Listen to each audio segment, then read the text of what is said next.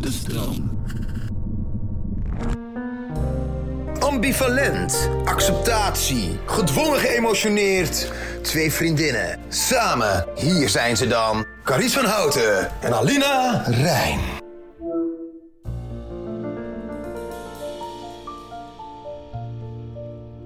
Oké, daar Seks. zijn we weer. I want your body. Seks.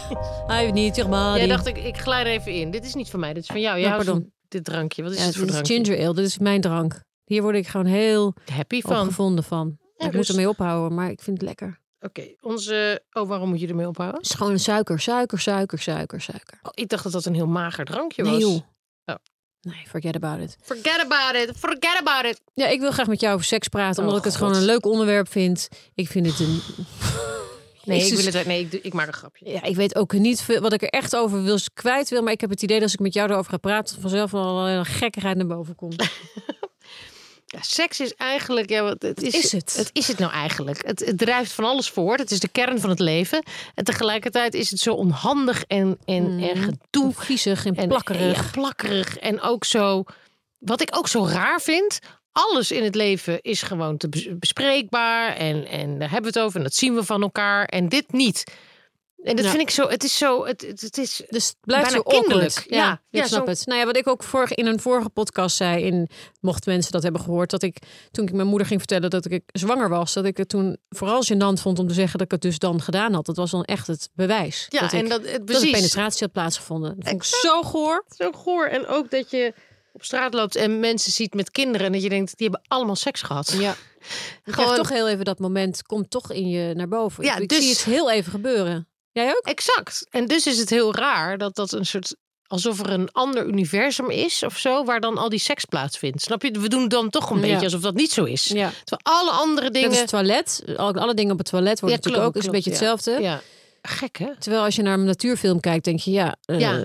logisch allemaal. Dat vind ik wel een goeie trouwens. Want dat is altijd wel verhelderend wat dat betreft. Dan denk je gewoon, oh ja, gewoon het dieren. gebeurt gewoon allemaal ram ram. En houdt in de, in die open. in En iedereen daylight. doet het of wil het of Ja, dat vind ik ook zo raar eigenlijk. Zo raar. Dat het ook zo'n drive is. Ja. Dat het zo... Wij, hadden vroeger een regisseur met wie we allebei hebben gewerkt, Teun Boermans. Maar ook, dat wordt wel vaker gezegd. René Lobo, een leraar van mij, zei dat ook altijd. Dan, ze zeggen altijd in, eh, met acteren dat je een doel moet hebben in een scène. Weet je wel, wat wil jij van die ander, whatever. Ehm, en dan zeg je, nou, ik ben verliefd op hem. Ik wil dat hij mij omhelst of zoiets simpels. Maar dan eh, werd er eigenlijk wordt er heel vaak gesuggereerd van ja, dat wil je ook. Weet ik van zeg ik van nou, maar ik, wil dat een, mooi huis voor, voor haar bouwen. Of ik, ja, dat wil je ook. Maar wat ligt daaronder? Zo van dat de theorie dat uiteindelijk de echte drijfveer, waar oorlogen om ontstaan, waar, dat dat seksualiteit zou zijn.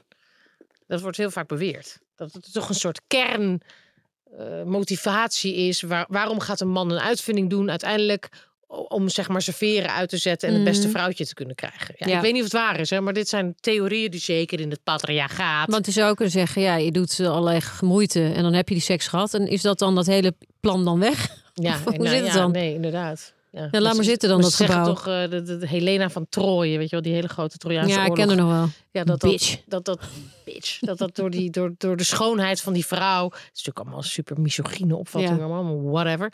Maar dat die mannen elkaar dus inderdaad gaan bevechten. En, en dat land en allemaal alleen maar omdat ze eigenlijk die vrouw willen hebben. En dat het dus uiteindelijk gaat over territoriale seksuele driften. Maar ja, goed, Freud. Nou ja, zet Freud- vrouwen allemaal op een eiland, of mannen ook, voor that matter, op een eiland met één andere seks. Ja. En het is gewoon een, het is oorlog. Ja. Het maakt niet uit of die vrouwen die man überhaupt aantrekkelijk vinden. Maar Nee, goed, het is weer wat anders misschien. Nee, maar- nee, maar ja, het is een, een, een, een gigantisch onderdeel van, van ons leven. En natuurlijk ook omdat het een functie heeft, namelijk dat we ons voortplanten. Maar we er ook genot aan ondervinden. Maar wat ik nog steeds gewoon niet te bevatten vind, is bijvoorbeeld nu zie je heel veel in, in New York, wat natuurlijk een soort van hele woke community is. Zie je overal, eh, ik vind het, je weet, ik vind alles goor om over te praten. Wat natuurlijk ook weer heel veel zegt over mijn indoctrinatie. Maar eh, over dat de, de, het orgaan, de clitoris, hè, wat helemaal niet alleen maar is wat je van buiten ziet, Mhm. maar wat dan ook zo. Ja, hoe dat teken je het überhaupt? Afgebeeld, ja, precies. En dat is pas sinds kort eigenlijk dat mensen zich überhaupt realiseren hoe dat orgaan precies loopt. Waarom? Omdat er gewoon naar het vrouwelijk lichaam nul nada niente onderzoek is gedaan. En al helemaal niet naar de geslachtsorganen van een vrouw, want die snijden we er liever af. Ja. Maar dat is zo, het is zo fascinerend dat we er zo weinig over weten, over vrouwelijke seksualiteit. En, en, En wij het- zelf ook voornamelijk. wij zelf ook. En dat inderdaad ook, als, als ik dit nu zo even zo tussen neus en lippen door zeg van... oh, een leraar op de zei altijd... ja, maar wat wil je echt? Ja, maar wat wil je daarachter? En dan was het toch altijd... je wil neuken, bij wijze van spreken. Hè? Die, dat personage, dan ging dat over. Maar dat is ook allemaal zo male gaze. Het is allemaal zo vanuit de Trojaanse oorlog. Ja, dan denk je, ja, Zingen care. vanuit je kut. Die... Ja, ja, precies. Het spelen vanuit je gesle- Ja, dat werd letterlijk gezegd. Vroeger, voor Me Too was dat ook heel normaal om te zeggen. En er werd ook helemaal niet per definitie iets grensoverschrijdends mee bedoeld. Nu zou je gelukkig dat niet meer horen op een toneelschool. Maar er werd wel echt gezegd van spelen vanuit je. KIT, vanuit je. Ja, want dat was dan de kern of zo. Ik snap het allemaal wel. Alleen even als we het eh, naar onszelf toe trekken. eh, Ja, het is allemaal heel erg cis-mannelijke eh, driften, cis-mannelijke fantasieën. Alles, alles. En, en, en ja, hoe zit het dan voor, voor ons? Ja, geen idee. En, Ik en, weet niet eens waar het, waar het zit. Eh, Nee, en hoe het precies loopt. En, nee, en dat, En, want ik zie wel al die tekeningen voor me die ik vroeger op school eh, op de, bij seksuele voorlichting kreeg. Maar er was ook de tekening van de clitoris. Dat was alleen maar van buiten, maar niet dat hele ding van Niemand binnen. had eventjes nog iets de moeite genomen om nog heel eventjes iets door te onderzoeken. Jezus, is dat toch gek? Ja.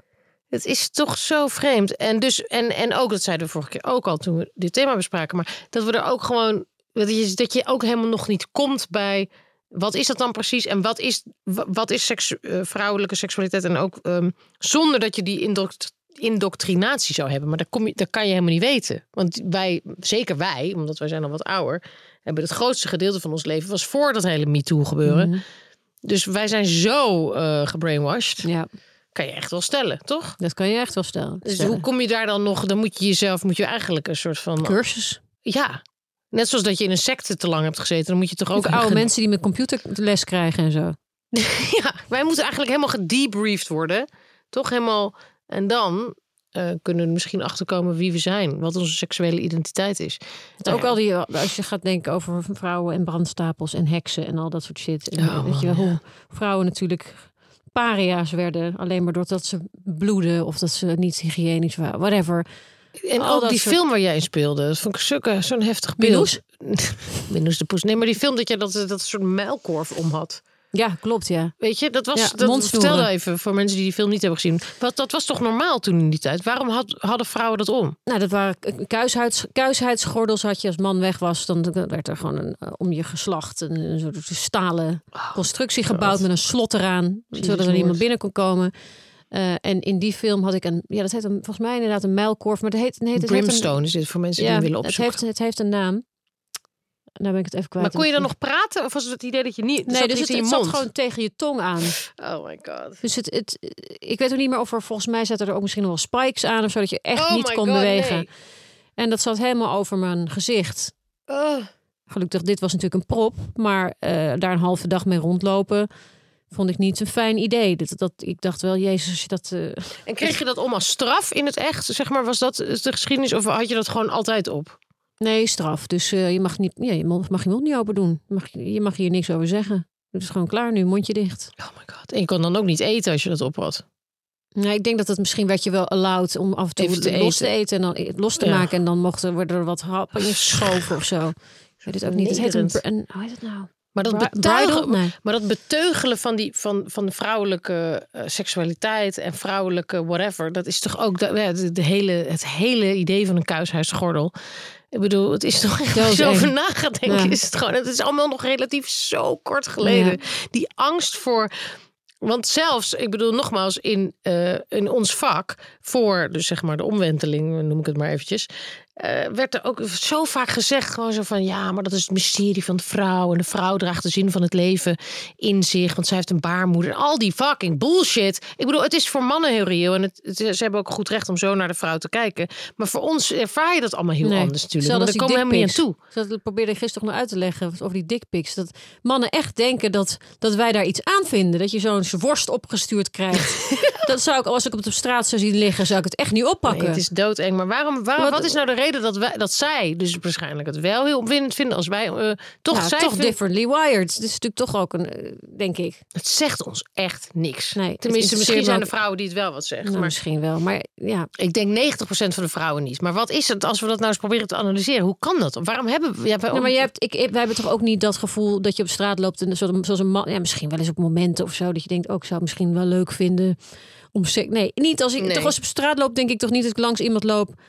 eh, ik wil daar nu seks mee. Nee, of Heel, eh, misschien ik heb zin wel- in seks überhaupt. Dat, dat, dat moet aangezet worden, wat mij betreft. Klopt. Ik, ik kan wel soms denken, als ik een hele mooie man zie lopen, dan denk ik wel, wat een mooie man. Ja, dat de kan ik- fantasie kan al eventjes worden of even geprikkeld. gewoon of denken, oh, daar zou ik wel mee willen praten, denk ik dan inderdaad. Maar ik denk niet met, ik denk, Mooi gesprek met een ja, maar zo biertje bij ons. Maar zij hebben blijkbaar allemaal flesjes in hun hoofd de hele dag.